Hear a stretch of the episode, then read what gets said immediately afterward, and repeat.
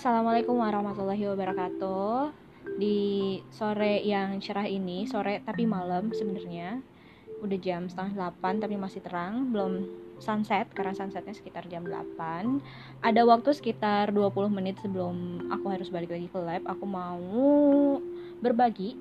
Jadi tadi sambil masak untuk makan malam, yang mana makan malamnya udah habis nih.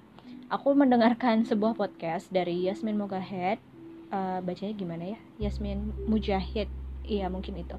Dan beliau ini adalah seorang ustazah yang basisnya ada di Amerika. Hmm, jadi aku kenapa mendengarkan beliau? Karena selain bisa mendapatkan ilmu baru juga belajar listening. Mendengarkan um, orang berbahasa Inggris gitu ya dan mendapatkan ilmu dari beliau lah. Senangnya itu. Jadi tadi mendengarkan sebuah podcast judulnya What is Love? Yang sebenarnya secara judul tuh kayak agak menggelikan kenapa sih? Belakangan aku ngerasa kayak uh, hidupku tuh kenapa sih selalu ngomongin cinta mulu? Tapi I have to know what is love is berdasarkan apa yang beliau jelaskan. Tapi bagus banget materinya. Jadi cinta itu sebenarnya yang dia jelasin yang beliau jelasin ini secara umum bisa ke romantic love bisa ke cinta cinta tentang cinta ke orang tua cinta ke anak cinta ke pekerjaan cinta ke apa pun itu.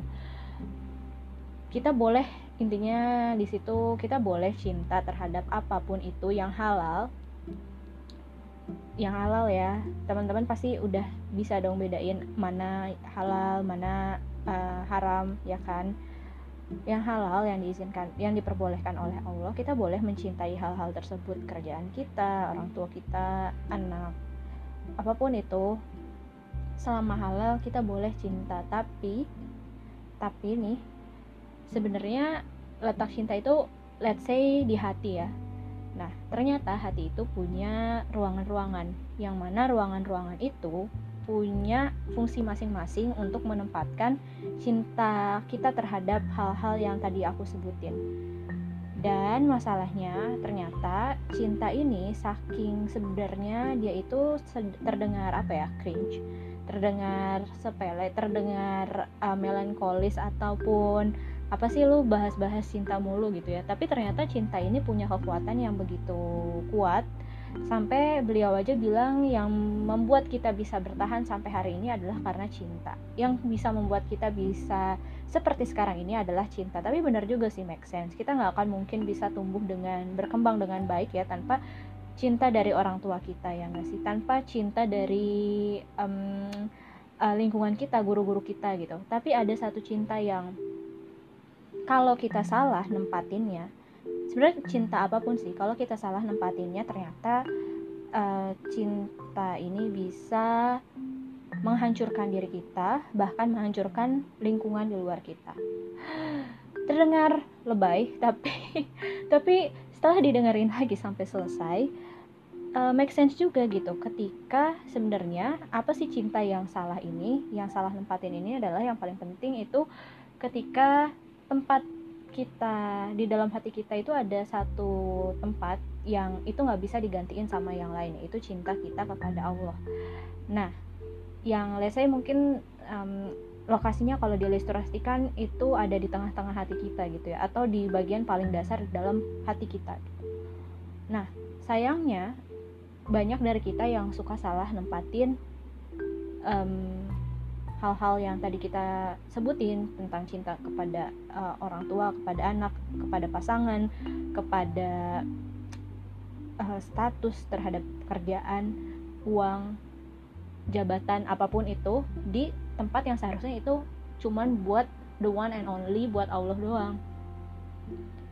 Makanya ya jadinya ngaco gitu.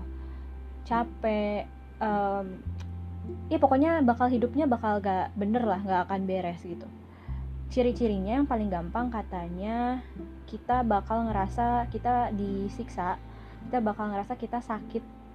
Kalau hal yang kita fokuskan itu yang kita utamakan itu tidak sesuai dengan harapan kita. Misalnya kita um, punya pasangan atau kita punya orang tua gitu.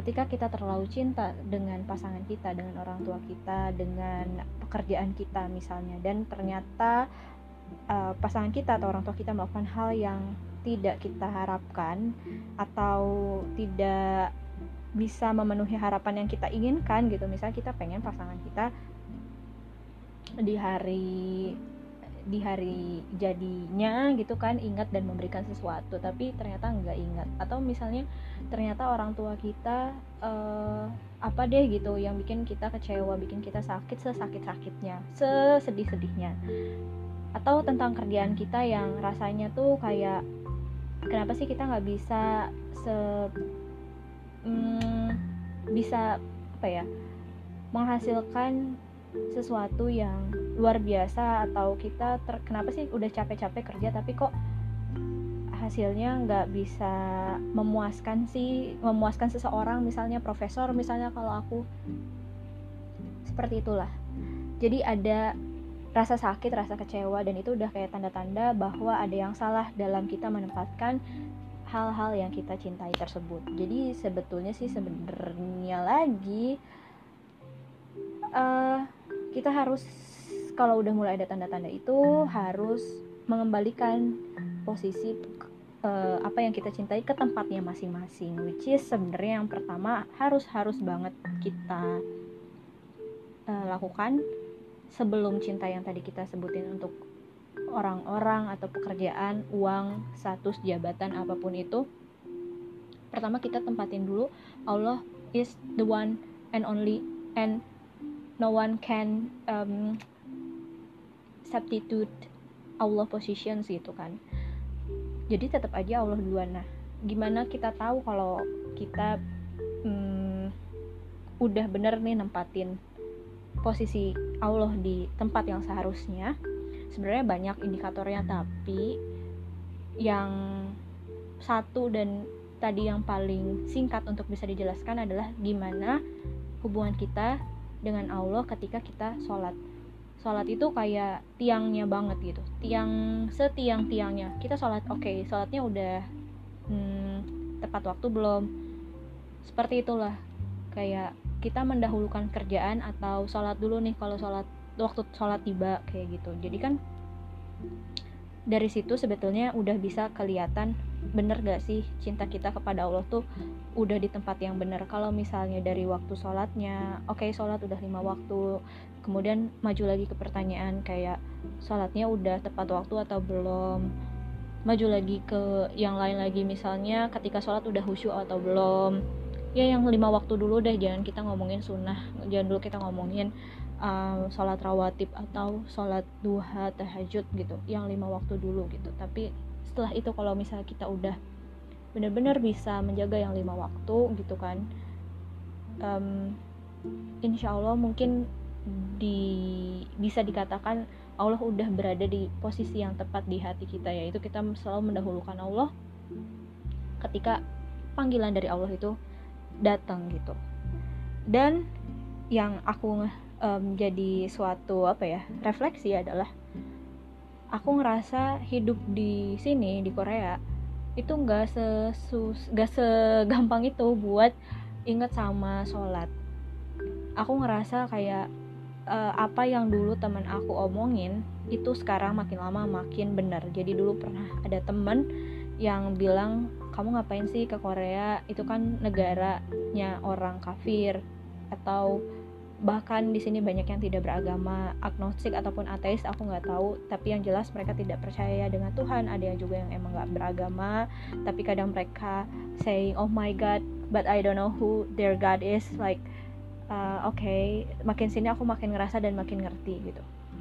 Kenapa dulu temen aku kayak segitunya ngingetin aku untuk coba pilih negara lain. Dia bener-bener kayak persuasif banget bahkan menceritakan dengan cara-cara yang lembut lah ya untuk uh, aku tidak berangkat ke Korea.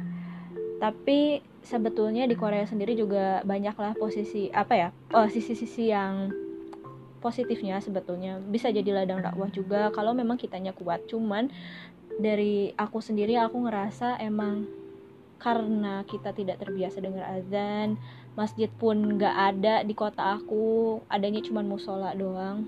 Kita nggak pernah dengar azan. Azan cuma aku dengerin setiap Ramadan doang. Itu pun sholat isya. Itu pun kalau isyanya nggak terlambat. Jadi banyak banget um, layer-layer lapis-lapis yang bikin aku ngerasa untuk ibadah itu untuk sholat aja yang itu tiangnya gitu. Itu tuh susah gitu dan aku ngerasa kayak uh, gimana ya? Nggak tahu sih karena aku udah terlanjur di sini. Cuman kayak ke depannya I have to consider more about this kind of things. Aku juga pengennya teman-teman yang dengerin bisa benar-benar mem mempertimbangkan lah ya. Karena sebenarnya aku juga udah pernah baca sih sebelum berangkat ke Korea. Kalau memang tujuan berangkat ke negara tersebut adalah bukan untuk hal yang urgent dan penting seperti berobat, seperti operasi, seperti apa yang nggak bisa kita dapetin di negara yang let's say aman, negara-negara yang mayoritas muslim atau ya at least tahu tentang Islam. Di sini kan kayak orang-orang juga hampir banyak yang nggak tahu tentang Islam, tentang halal haram itu apa mereka nggak tahu, nggak ngerti gitu jadi uh, tidak disarankan untuk pergi ke negara tersebut kalau bukan hal yang urgent dan penting banget. Tapi ada salah satu alasan kalau emang untuk berdakwah, kalau memang untuk mempelajari hal yang bermanfaat untuk kaum muslim di mana kita tidak bisa mendapatkan hal itu di negara asal kita, silahkan gitu. Tapi tetap ingat kita harus bisa ngukur diri sendiri di uh, waktu itu aku baca di website konsultasi syariah atau pokoknya websitenya terpercaya. Se sepemahaman aku ini terpercaya gitu ya. Terus intinya jangan ke sana kecuali kalau kita bisa ngerasa atau kita uh, cukup cukup tahu. Karena yang tahu kan diri kita masing-masing ya. Seberapa kuatnya kita ketika kita misalnya diuji dengan hal-hal seperti yang aku bilang tadi yang di mana kita itu untuk beribadah tidak dikondisikan dalam tanda kutip seperti di Indonesia. Yang ada azan yang ada orang-orang yang berame-rame gitu kan sholat ke masjid uh, saat isya atau maghrib atau zuhur. Kalau kita di kantor atau di masjid atau di kampus itu biasanya orang rame-rame berbondong-bondong istirahat ya makan ke masjid atau ke masjid dulu baru makan. Ya semacam itulah ya yang eh, yang aku maksud kondisikan itu karena lingkungan pun mendukung untuk melakukan itu gitu. Atau teman-teman kita banyak yang melakukan itu sehingga mau nggak mau ataupun emang kita ya udah nggak kepaksa juga tapi semacam teringatkan oleh lingkungan kita sendiri untuk melakukan kewajiban yaitu sholat gitu.